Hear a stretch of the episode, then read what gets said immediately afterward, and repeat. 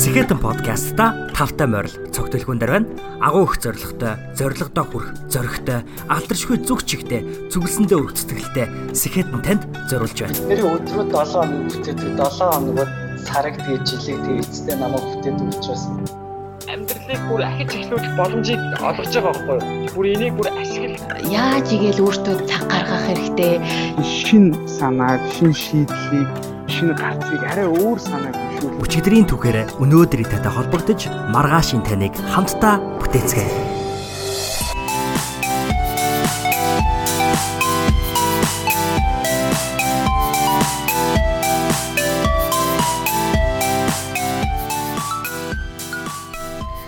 Хэрхэн өглөө сэрх вэ? Өглөөс ирэхийн ач холбогдол. Амжилттай хүмүүсийн өглөөний рутин дадал зуршил юу вэ? Бусдын төлөө ажиллахаасаа төрүүлж өөр дөрөө хэрхэн ажиллах уу? Яаж хамгийн бүтээмжтэй байх вэ? Ямар хоолун сэргэлвэл надад сайн бэ? Эдгээр болон бусад төсөөтэй хувь хүний хөгжил, амжилт, хувийн санхүү, сахилга батын тухай сэдвтэ олон асуултуудыг бид амьдралынхаа турш асууж, ном сэтгүүл, интернет, YouTube, подкастаар дамжин мөн олон хариултуудыг олдгоо. Яг энэ замаар ч гэсэн би удаан явсан, явсаар ч байгаа. 10 жилдээ Dale Carnegie, John Maxwell нарын Монгол орчуулгуудыг уншиж улмаар Америкт ирээд Роберт Кiyosaki, Баян ав, Ядуу ав, Napoleon Hill, Сэтг Баяж, Tony Robbins, түүний багш Jim Rohn, Brandon Burchard, Gary Vaynerchuk, Tim Ferriss, бүр Grant Cardone, Ty Lopez нарыг ч ичхгүй дагаж сонсдог байлаа. Эдгээр дурдсан олон хүмүүсийн зармыг нь би одоо хүртэл сонсож дэмжиж дагсаарч байдаг. Маш олон цагийг хувь хүний хөгжлийн англи хэлэнд self help буюу орчуулбал өөртөө туслах жанрын ном, контент зарцуулж, судалж, хүлээж авч бүр өөрөө тийм төрлийн контент бүтээдэг хэнийгэн би аль хэдийн болсон байсан. Энэ замаар орох эхлэл нь магадгүй анхнаасаа намайг өөгшүүлдэг байсантай холбоотой байх. Тэрний өгсөн үгээ гэхээр хүүхд байхдаа уншиж байсан хамгийн анхны хувь хүний хөгжлийн ном болох Dale Carnegie-гийн хэрхэн найс нөхөрлөгийг бүтээж бусдад нөлөөлөх бэ ном нь надад ямар ч мэрэгжил замнал буюу карьер сонгосноос үл хамаарч хүн өөрөө хичээж, бүтээлч байж тухайн салбарын шилдэгүүдийн нэг болж чадвал заавал цойлж амжилттай бүтээлч нэгэн байж чадна гэдэг итгэл өгсөн байдаг. Тийм ч болохоор би хизээж гэр бүлийн, найз нөхдийн гих мэд нийгмийн хүлээлт шахалт болон хамгийн чухал нь эдийн засгийн эрэлт хэрэгцээнээс болж мэрэгжил замнал карьераа сонгоогүйгээр бүхий л насанд хүрсэн он жилүүдэд өнгөрүүлсээр байна. Хов хүний хөгжлийн салбарт дурлаж үүнээсээ сонссон хүмүүс маань намайг мөн өөгшүүлж би яг одоо таны сонсож байгаа энэхүү подкастыг мөн эхлүүлсэн байдаг. Энэ хугацаанд би хов хүний хөгжлийн салбарт мөн хар муу зүйл байж болдгийг ч бас олж харсан. Өөртөө сэтгэл хангалуун бус амьдралын ямар нэгэн асуудлаас болж энэ салбарыг сонирхож эхэлдэг хүмүүст дийлэнх нь гэж хэлж болно. Хувь хүний хөгжлийн салбарыг сонирхоод хаалгыг нь онгойлгож орж ирдэг хүмүүсийн ихэнх нь амьдралынхаа хамгийн эмзэг үе дээрээ явж идэг. А гэхдээ мөнгө төгрөгийн асуудал, гэр бүлийн бэрхшээл, сэтгэл готрол, тэдгээрээс үүссэн эрүүл мэнд, сэтгэл зүйн асуудлуудаа хүн засах, янзлах гэсэн хүслээр энэ салбарыг өөгшүүлдэг нь энэ салбарын магадгүй нэг том сул тал нь юм. Мэдээж хэрэг яг миний түрүүний дурдсан энэ асуултуудын хариултуудыг зарим нэг нь зарим нэг хүмүүнээс олж авах боломжтой. А гэхдээ энэ дээр үндэслэж хүний зовлон бэрхшээлээр үн мөнгөөр хардаг хүмүүс ч гэсэн байдаг. Мөрөөдөлтөд хөтлөгдөж өөрийнхөө хүссэн хэмжээндээ хүрч амьдралдаа нэг шат ахих гэсэн зориг мөрөөдөлтөд олон мянган хүүхд залуусын дуртай сэдв бол мөн энэхүү хувь хүний хөгжлийн салбар. Хүний асуудлыг шийдэж ямар нэг өвчин зовнил өвдөлтөөс салгах, үйлчлэгээ бараа бүтээгдэхүүн боорлуулж, таашаал таатай мэдрэмж зарах нь өөрө бизнес. Хов хүний хөгжлийн салбар нь 2016 онд Америк нэгдсэн улс гэхэд 6.6 тэрбум доллараар үнэлэгддэг бизнес байсан бол 2022 он гэхэд энэ нь 13 тэрбум төгрөгийн үнэлгээтэй бизнес болж хувирнаа гэсэн судалгаа гарсан байдаг. Тэгээ одоо би бодоод үзэхээр яг одоо бидний амьдарч байгаа 2020 он өөрөө бидний амьдралд ямар их өөрчлөлтийг бий болгосон бэлээ. Тэгэхээр магадгүй үүнийгээ дагаад хүмүүс илүү өөрсөнтэйгээ ажиллах цаг хугацаа, яг өөрсөнтэйгээ байх цаг хугацаа илүү их гарч байгаа учраас энэ тоо 13 тэрбумаас ч илүү их байж магадгүй. Дээр дурдсан жишээнүүдтэй минь адилхан бусад маш олон амьдралд минь эерэг нөлөөлөлт авчирсан зүйлс бас байгаа. Мөнгөө төлөөд худалдаж авсан ном, курс хичээл болон цаг хугацаагаа мөн зарцуулсан зориулсан хөрөнгө оруулалт би надад ихийг өгсөн. Гэвч харамсалтай нь хүнд үнэхээр өгсөн зүйл байхгүй. Хүүхэд залуусын гинэн цагаахан мөрөөдөл аль эсвэл бусдын зовлон шаналлыг зөвхөн зоосын нүхээр харсан өөрийнхөө ямар ч анхдагч эсвэл сайжруулсны зүйл байхгүй буюу гаднаас тэр дундаа барууны соёлоо шууд хуулж тавьсан өөрийгөө нөлөөлөх шиг хийчихгүйгээр зовхгүйгээр өөрийгөө бардамнаж хэлдэг ховны хөгжлийн багш амьдралын коуч буюу амьдралд юу хийхийг зааж өгдөг гой гонгой хувцастай хагч нар да Монголч биш бидэнтэй адил аль биднээс ч ядуу буурай хөгжиж буул сарнууд байгаа нь үнэхээр харамсалтай. Зөвхөн мөнгө төгрөгөөр бусдыг хохироох биш. Хүний хамгийн эмзэг үед нь буюу үнэхээр өөрчлөгдөхийг хүссэн амьдралынх нь энэхүү чухал үед хэн нэгэнд итгэж бүх итгэлээ өгсөн үеийг ямар сэтгэл зүрхэхгүй худал хичээл хөтөлбөр програмаар нүдэж зарим нэг харамсалтай тохиолдолд хүний амьдралд янз бүрийн гүн хар толб ам үлдээсээр байгааг энд бас дурдж байна. Яг энэтэй холбоотой маш олон жишээ байгаа. Гэтэ би илүү нарийн орохоос илүүтэйгээр ямар аюултай вэ гэдгийг л ухамсарлахыг би хүсэж байна. Токсик буюу хортой хувь хүний хөгжлийн контент нь хийх өөрөгдөл, хэд их бие дээрээ төвлөрсөн үзэл сургах, өөрийн хэр хэмжээг давсан хоолны дэглэм, амьдралын хямайг, дэг рутин зэргийг ямар ч мэрэгжлийн хяналтгүйгээр шахснаар тийм хортой токсик хувь хүний хөгжлийн амьдралын маягуудыг өөрсөндөө бий болгож болно. А мөн эсвэл нийгмийн олон асуудлуудыг жишээ нь ядуурл хэн нэгний буруу биш, төр засгийн буруу биш, Харин чиний арчааг өгөх гэдэг ганц гаргалгаа дээр тавьж өгснөөр арчлал өөрөө аюул дунах бас аюултай. Яагаад гэхээр орчин үед бидний яг өнөөдөр дэлхийн нийтийн олуула хамгийн ихээр засаглаж байгаа энэхүү засаглалд хариуцлагатай төр хэрэгтэй хариуцлагатай төрийг хяналттай болохгүй байгаа зүйлийг байгаагаар нь хилдэг зөвхөн өөр дээрээ ачааг авдаг биш өөрийнхөө хийх ёстой зүйлийг хийж байгаа ч гэсэндэ төрдөө хариуцлага хүлээд хариуцлага асуудаг тийм тим арт түмэн тэр төрийг яг зөв авч явж чадна. Тэгэхээр хов хүний хөгжлийн салбар асуудлуудаас биднийг холдуулаад бидний сайн амьдрахгүй байгаа нь бидний эрүүл биш байгаа нь өөрсөнтэй холбоотой гэж хэлэх нь биднийг маш олон зүйлсээс зай бий болгож ямар ч харилцаа холбоо байхгүй болгох аюултай. Миний хувьд амьдралынхаа яг энэ мөчөд хэрхэн энэ хар зүйлд автахгүйгээр үнэхээр эрүүл Эрүүл гэдэг нь үнэхээр эерэг гэхдээ хор хөнөөлтөй биш орон зайг бүрдүүлж залуу хүнийхээ хувьд бусдад үзэл бодлоо хуваалцаж хоорондоо ярилцах платформыг бий болгох вэ гэж би яг амьдралынхаа мөчд гайхаж байна.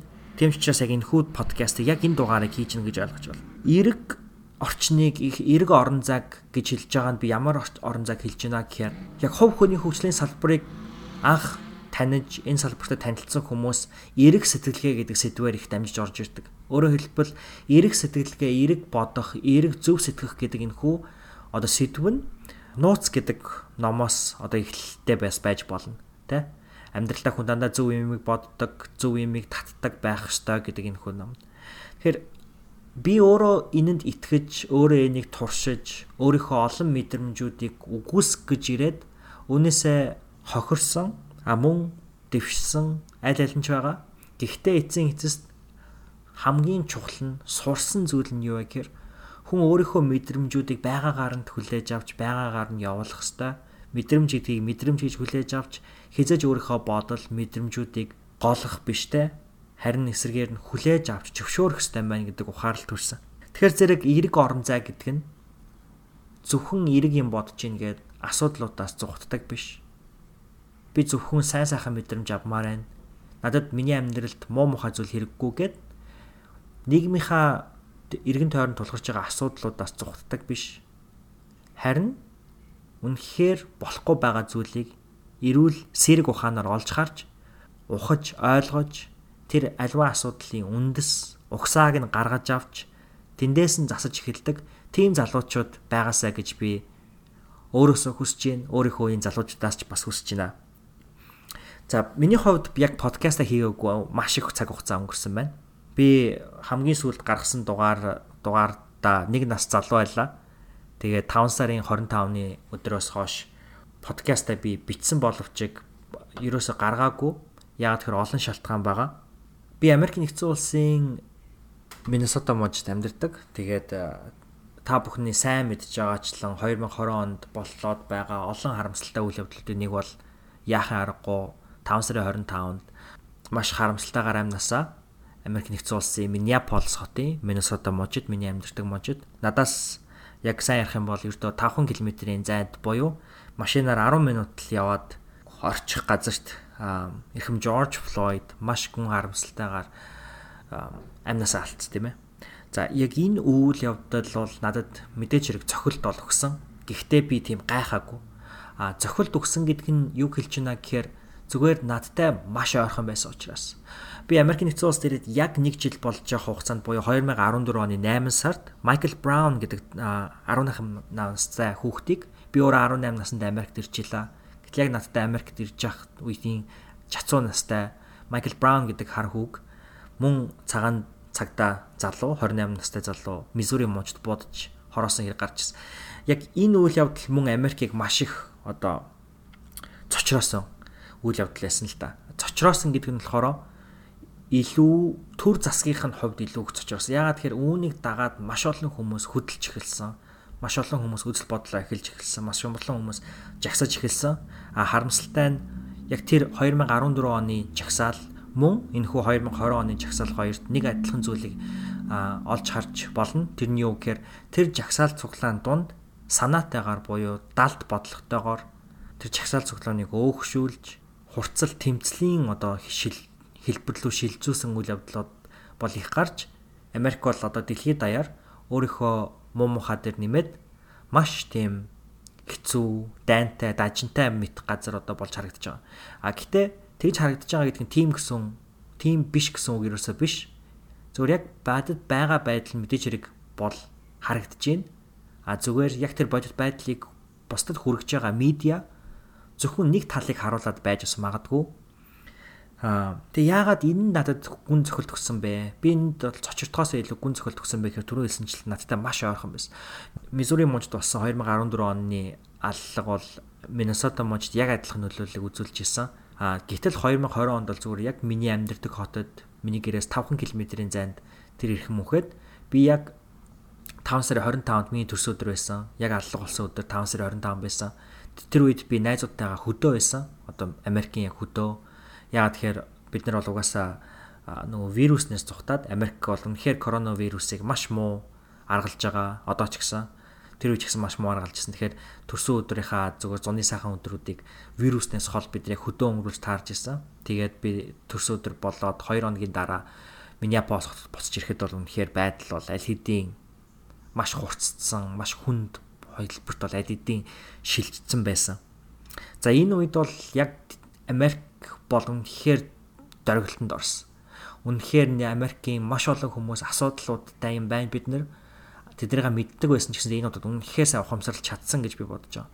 Яг тэгэхээр миний эргэн тойрны Америк найзууд, Америк танилуд, хамт ажилладаг хүмүүс, энэ бүх хүмүүс бүгдөө энэ асуудалд маш одоо гүн анхаарал тавьж эхэлсэн. Би өөр Америк нэгдсэн улсын улс төрийн салбарт ажилладаг яг мужийн хэмжээнд. Тэг яг энэ мужид одоо улс төрд нэр дэвшиж байгаа конгресснэр төвшиж байгаа гишүүд яг энэ асуудлууд дээр яахын аргагүй анхаарлаа өгөхөөс өөр аргагүй байдалд бол хүрсэн. Тэгээд үүнийгаач дагаад би бас өөрөө ч гэсэн яг энэ салбарт ажиллаж байгаагийн хувьд энэ асуудлуудыг улс төрийн хэмжээнд буюу бодлогын хэмжээнд тийм ээ хэрхэн ер нь Америкууд шийдэх ёстой бол гэдэг дээр өөрөө ч гэсэн баггүй судалгаа хийж зүгээр ном уншиж өөрийнхөө мэдлэгийн хүрээг бол тэлхийг бол чухалчилсан. Миний энэ 100 хамгийн их хийсэн хамгийн их цаг хугацаа энерги зарцуулсан зүйл бол үнэхээр яг энэ асуудлыг ойлгох байсан. Тэгэж хэрэг яг Америкт ирээд боловсролын салбарт нь оюутан болоод явж байхад бол яг энэ одоо Америкийн 200 гаруй жилийн хөө түүхийг мөн колоничлын түүхийг эдгээр түүхүүдийг бол бид нар заадаг. А заахтаа бол зөвхөн нэг талаас харуулахгүй яг боловсролынхаа салбарт бол үнэхээр Америкууд үнэн байж үнэхээр буруунуудаа хүлээж үнэхээр буруу зөвийг нь ялгаж харьцуул заадаг. Тэгэхээр бол надад бол тийм цочирдох зүйл бол байгаагүй. Гэхдээ бол үнэхээр цохилтыг бол амьдралд бол үнэхээр өгч исэн. Яагаад тэр үнэхээр эргэн тойрны хүн болгон энэ асуудалд анхаарлаа хандуулж исэн. А мөн яг 2020 онд энэ коронавирус дэлгэрснээс хойш яг одоо бидэртэй адилхан Аз төр төрхтэй, Аз арьс, өнгө арьстай бид нэр одоо шар арьстай хүмүүс тийм ээ. Бас мөн адилхан гадуурхалтыг бол өмнө магадгүй мэдэрж байгаагүй бол анх удаа айгүйх мэдэрч эхэлсэн. А өөрийнхөө identity буюу өөрийгөө одоо таньдаг тань таних одоо тийм ээ өөрийг чинь тодорхойлох тодорхойлтуудаа хүн илүү их анхаарал өгч эхэлсэн. Ягаад тэгэхээр би өмнө нь бол өөрийгөө хизээж арьс өнгөө нэг тэгж томруулж тодруулж харж байгаагүй бол 2020 онд хамгийн их харж исэн те. Тэгэл одоо номын дэлгүүр альва одоо онлайн номын дэлгүүр эдгээр зүйлүүд явах юм бол нэг хэсэгтэл топ 10 ном бол бүгдөө шударга ёс арьс өнгөний үзэл racism тийм ээ эдгээр зүйлүүдээр бол төвлөрч исэн. Өөрөөр хэлбэл маш их хүмүүс яг энэ сэдвт үнэхээр их сонирхож, өөрөөр хэлбэл үнэхээр энэ асуудлын тухай ойлголтоо нэмхийг бол хүсэж исэн. Энэ хугацаанд би ч гэсэн тэгж чадсан гэж бодож байна. Гэхдээ маш их цаг зарцуулах хэрэгтэй. Ерөөсөө маш их цаг хугацаа энэ дээр зарцуулах хэрэгтэй. Мэдээч хэрэг яг миний энэ дурдаад байгаа асуудал бол Монгол улсын асуудал бол биш. А гэхдээ 21-р зуунд бол хүн болгоны асуудал. А би өөрөө магистрийнхаа програмаар одоо 2 дахь жилдээ орох гэж байна. Өнгөрсөн нэг жилийн хугацаанд магадгүй миний хамгийн их ухаарсан чухал зүйл юу вэ гэхээр хөгжил гэдэг бол дэлхийн бүх улс орнуудын асуудал. Зөвхөн хөгжиж байгаа орнууд өөрсдөө хөгжүүлэхийн төлөө хөгжих а мөн хөгжингөө орнууд нь хөгжиж байгаа орнуудад туслах тийм бол өөрөө маш буруу ойлголт. Хөгжил гэдэг бол яг одоо эдийн засгийн ч гэдэг юм уу тэр хөгжлийнхаа хүрээнд хаана байгаагаас үл хамааран хийх ёстой зүйлээ бүгдөө л хийх бол өөрөө хөгжил гэж ерөнхийдөө бол ойлгож болно гэх юм уу. За энэ бол өөрөө тусдаа тэр чигтээ том сэдв. Гэтэ би яагаад энийг хэлээд байна гэхээр яг энэ Америкт болоод байгаа энэ үйл явдал, энэ асуудлыг ойлгох нь Монгол улсын биш гэсэнд биш асуудал биш гэсэндэ 21-р зуунд бол бүх нийтийн түгээмэл универсал универсал асуудал юм гэдэг бид нар мэдж явах хэрэгтэй. Учир нь нийгмийн гадуурл, эргэтгэж бус харилцаа зөвхөн дан ганц арьсан арьсан ан арьсны өнгө бус нийгмийн давхар хүүс нас угсаа гарал бие оюуны бүрэн бүтэн байдал бүтэн ажиллагаанаас гэх мэт олон зүйлсээс миний сая хэлсэн дээр бүр дурдаагүй маш олон зүйлсээс хамаарч дэлхийн бүхий л үнцэг болон бүрт тийм эргэтгэж бус байдлууд бол байгаа. Тиймээс залуу хүний хувьд Америк нэгдсэн улс тэргүүтээ арьс өнгөний ялгуурл энэ асуудлыг ойрхон ажиглаж сонирхон судлах нь заавал хийх ёстой зүйлсийн нэг. Тиймээс ч би яг 5 сард контентэндөө би яг үнэхээр хүчтэй эргээд орё гэж бодож исэн чинь нүд би дуугаа ахыг илүүд үзсэн. Яг тэр хүмүүс өнөөдөр яг миний ярих Монголын асуудлуудаас гадна мохов хүний хөгжлийн тийм асуудлаас гадна өөр маш олон асуудлуудын тухай суралцах хэрэгтэй. Би яг энэ асуудал дээр ямар үзэл бодол дуу хоолой гаргаж ирэх ёстой гэдгээ бодох тунгаах бясалгах ёстой юм санагдсан. Энэ нь надад яг өөрийгөө болон өөрийнхөө хийж буй зүйлсэд сайн анхаарал тавьж улмаар үнэлт дүгнэлт өгөхөд тусалсан цаг хугацаа болсон. Тиймээс би 25 наснда заавал мэдэх ёстой 10 зүйлийг хувийнхаас зүгээс хүрхээ шийдсэн. Тэгэхээр би 24 наснд наснда хамгийн сүүлийнхаа подкастыг хийсэн байна. Тэгээ 25 наснд хүрснээс хойш хамгийн анхны подкастыг хийж байгаа болохоор яг ийм сэдвээр эхлүүлэхийг хүссэн. Тэгээд би яг энэ 10 зүйлийг одоо залуу хүний 10 тунхаг буюу 10 манифесто гэж нэрлэдэг да. Тунхаг гэж хэлж байгаа шалтгаан нь би эдгээрийг 10 мэдэх ёстой зүйл гэж хэлж байгаач яг яг эдгээр зорилгуудаа хэрхэн хүрэх үү, зам нь юу вэ гэдэг асуултуудыг бол би хариултуудыг мэдэхгүй. Өөрөөр хэлбэл залуу хүний хувьд би амьдралынхаа яг юм өчөд эдгээр 10 зүйлийг амьдралынхаа өөрийнхөө бусад олон 10 асуудлуудаас сонгож барьж авч та бүхэнтэй хуваалцаж хамтдаа эдгээр салбаруудад зүтгэе, өөрсдөө сайжруулъя гэж уриалахыг хүсэж байгаа. Би хувь хүний хөгжлийн салбарт хин нэгний багш нь, сургагч нь, ментор нь байх биш, харин найз нөхөр нь байж хамтдаа асуудлуудаа тодорхойлж, хамтдаа бүтэлгүйтэж, буруу хийсэн, алдсан зүйлсээ хамтдаа хүлээн зөвшөөрч, өөрсөдтэйгөө үнэн байж, өөртөөгөө болон би тантай өөртөө чинь үнэн байж хамтдаа хөгжиж улмаар ойр тойрондоо хийгээд нийгэмдээ эрэг нөлөө үзүүлэхийг хүсэж байна. Ингэж чадвал хэдүүлээ эрэг түрүүнд дуртаадсан эрэг гэрүүл орчинг бүрдүүл чадна гэж тэгж байгаа. Тэгээд миний 10 тунхаг руу үсэрцгээе. 1. Зөвхөн алсын хараатай биш, ойрын замаа мэддэг, дунд замын бод. 2. Би мэдэх ёстой юмныхаа ихэнхийг мэдэж байгаа. Би өөрийгөө сайжруулахад хийх ёстой алхмуудыг мэдэж байгаа. Би илүүг сурч мэдэх шаардлагагүй гол нь хийх ёстой 3. Би өөрийгөө бусадтай биш, зөвхөн өөртөөгөө харьцуулна бусдын хийсэн бүтээснийг үнэлж, шүтэж, бахархаж өөрийгөө улмаар хурцлана. 4. Би өөрийн итгэл үнэмшилтэй эзэн нь байна. Гэхдээ мөн нээлттэй сэтгэлгээтэй байж үргэлж яагаад гэдэг асуултыг айхгүй асууна. 5. Бусад хүмүүсийн намайг юу гэж бодох нь надад ямар ч хамаагүй. Гэхдээ би нийгмийн хариуцлагатай гişүн гэдгээ мөн ухамсарлаж байна. 6 асуудлаасаа зүхдахгүй би нүүр тулна. Ингэж чадсанаар би тухтай бүсээсээ гарч арьсаа зузаална. 7. өдөр тутмын аахар шаахар зүйлсэд чирэгдэхгүй, цухалдахгүй, ундалцахгүй, унжиж маяглахгүй байж урдаа хийж байгаа зүйлдээ бүх анхаарлаа хандуулж энэ мөчтөө оршин мөн амьдралыг том зургаар нь алхам тутамдаа харж амьдрна. 8. Надад хайртай, надтай хамгийн ойр дотны хүмүүсээ хайрлаж тэднийхээ өмнө буулт хийж тэдэндээ хийсэн болон миний дэргэд оршиж байгаад нь талархаж хайрыг их хүүхж амьдрна. Мөн хайрыг хүлээж авч бусдын сайхан сэтгэлийг тосч амьдрна. 9. Шалтгаглаж амьдрах биш. Амьдралын хохирогч нь болж өөрийгөө дорд харах биш. Харин амьдралд эзэн байж үүрэх ачаагаа хариуцлагатайгаар үүрнэ. 10. Хурдан бас дөрвтэй. Ирчтэй бас ирэлхэг байж, хувь хүний сахилга батыг бий болгох хүчтэй байж, мөн тогтоон барих чадaltaй байна. За энэ бол миний өөртөө тодорхойлсон 10 тунхаг байна. Тэгээ би энэ яг 10 тунхагийг энэ 7 хоног өнгөрсөн 7 хоногийн амралтын өдрүүдээр бичиж тэмдэглэж бичсэн байгаа. Тэгээд маш олон асуудлууд бидний амьдралд байгаа.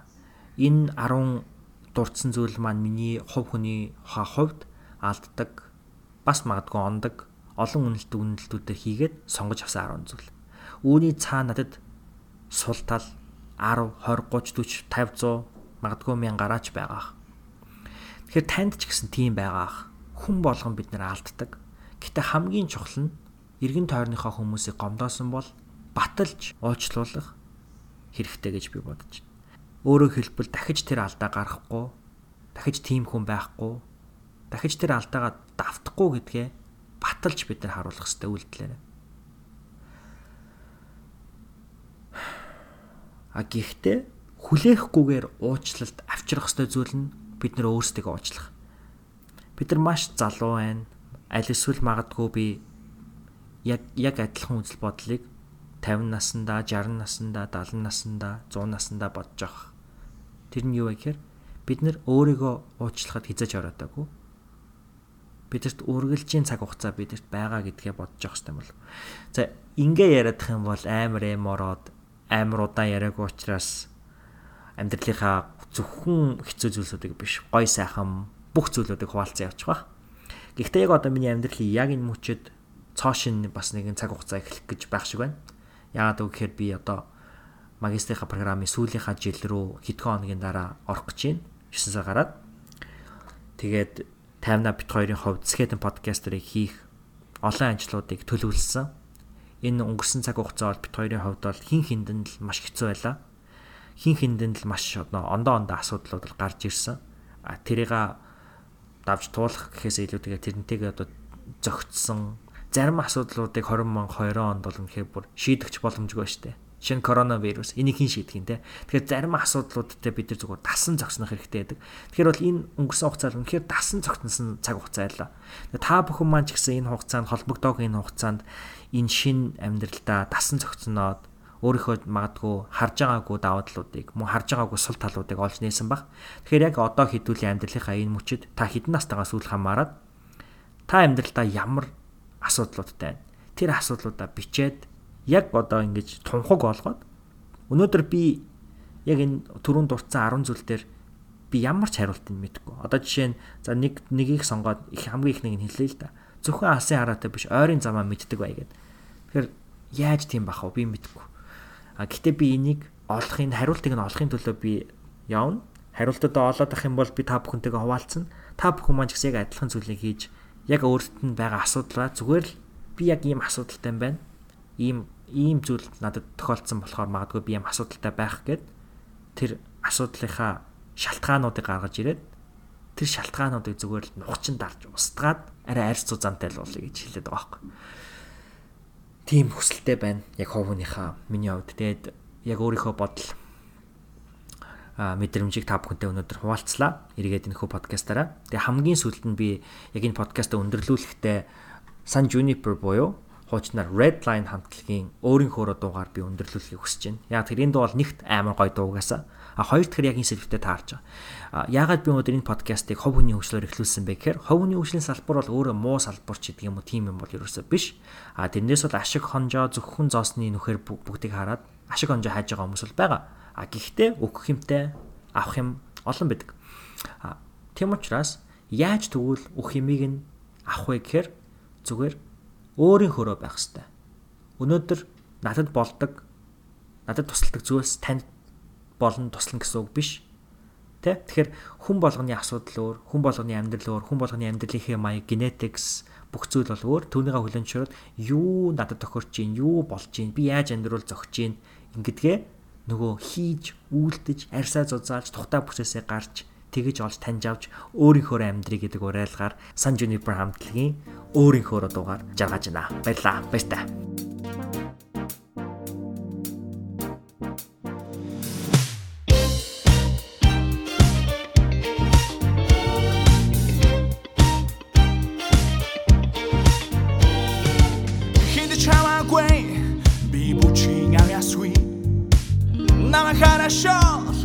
Гэтэ одоо бүжгэлж байна. Чиний хийдгүй хийдэг би Чиний бодоогүй боддог би. Хаяа жаахан өддөгч. Гэтэ чамаас өөр хүн шүү. Би би чамаас өөр хүн. Чи чи надаас өөр хүн. Зүгээр л энэ хിവэрэ. Хачаасан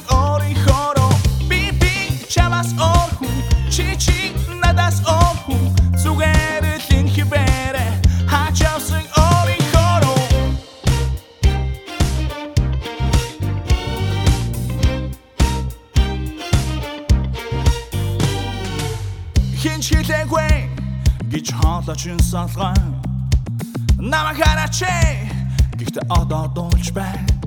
Чиний сонсдгүй сонсдог би чиний мэдэрдгүй мэдэрдэг би хаяжаахан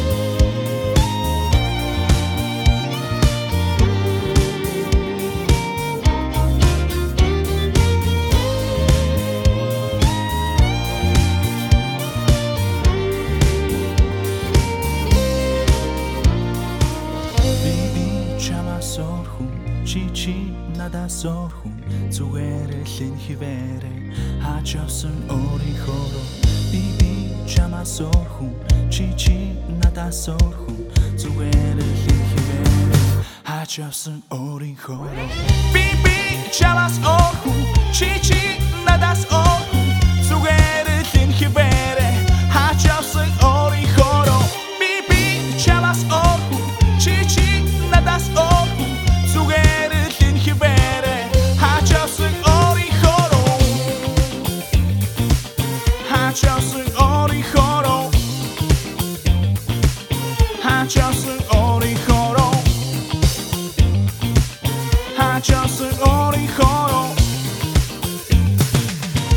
Chasem orin chorą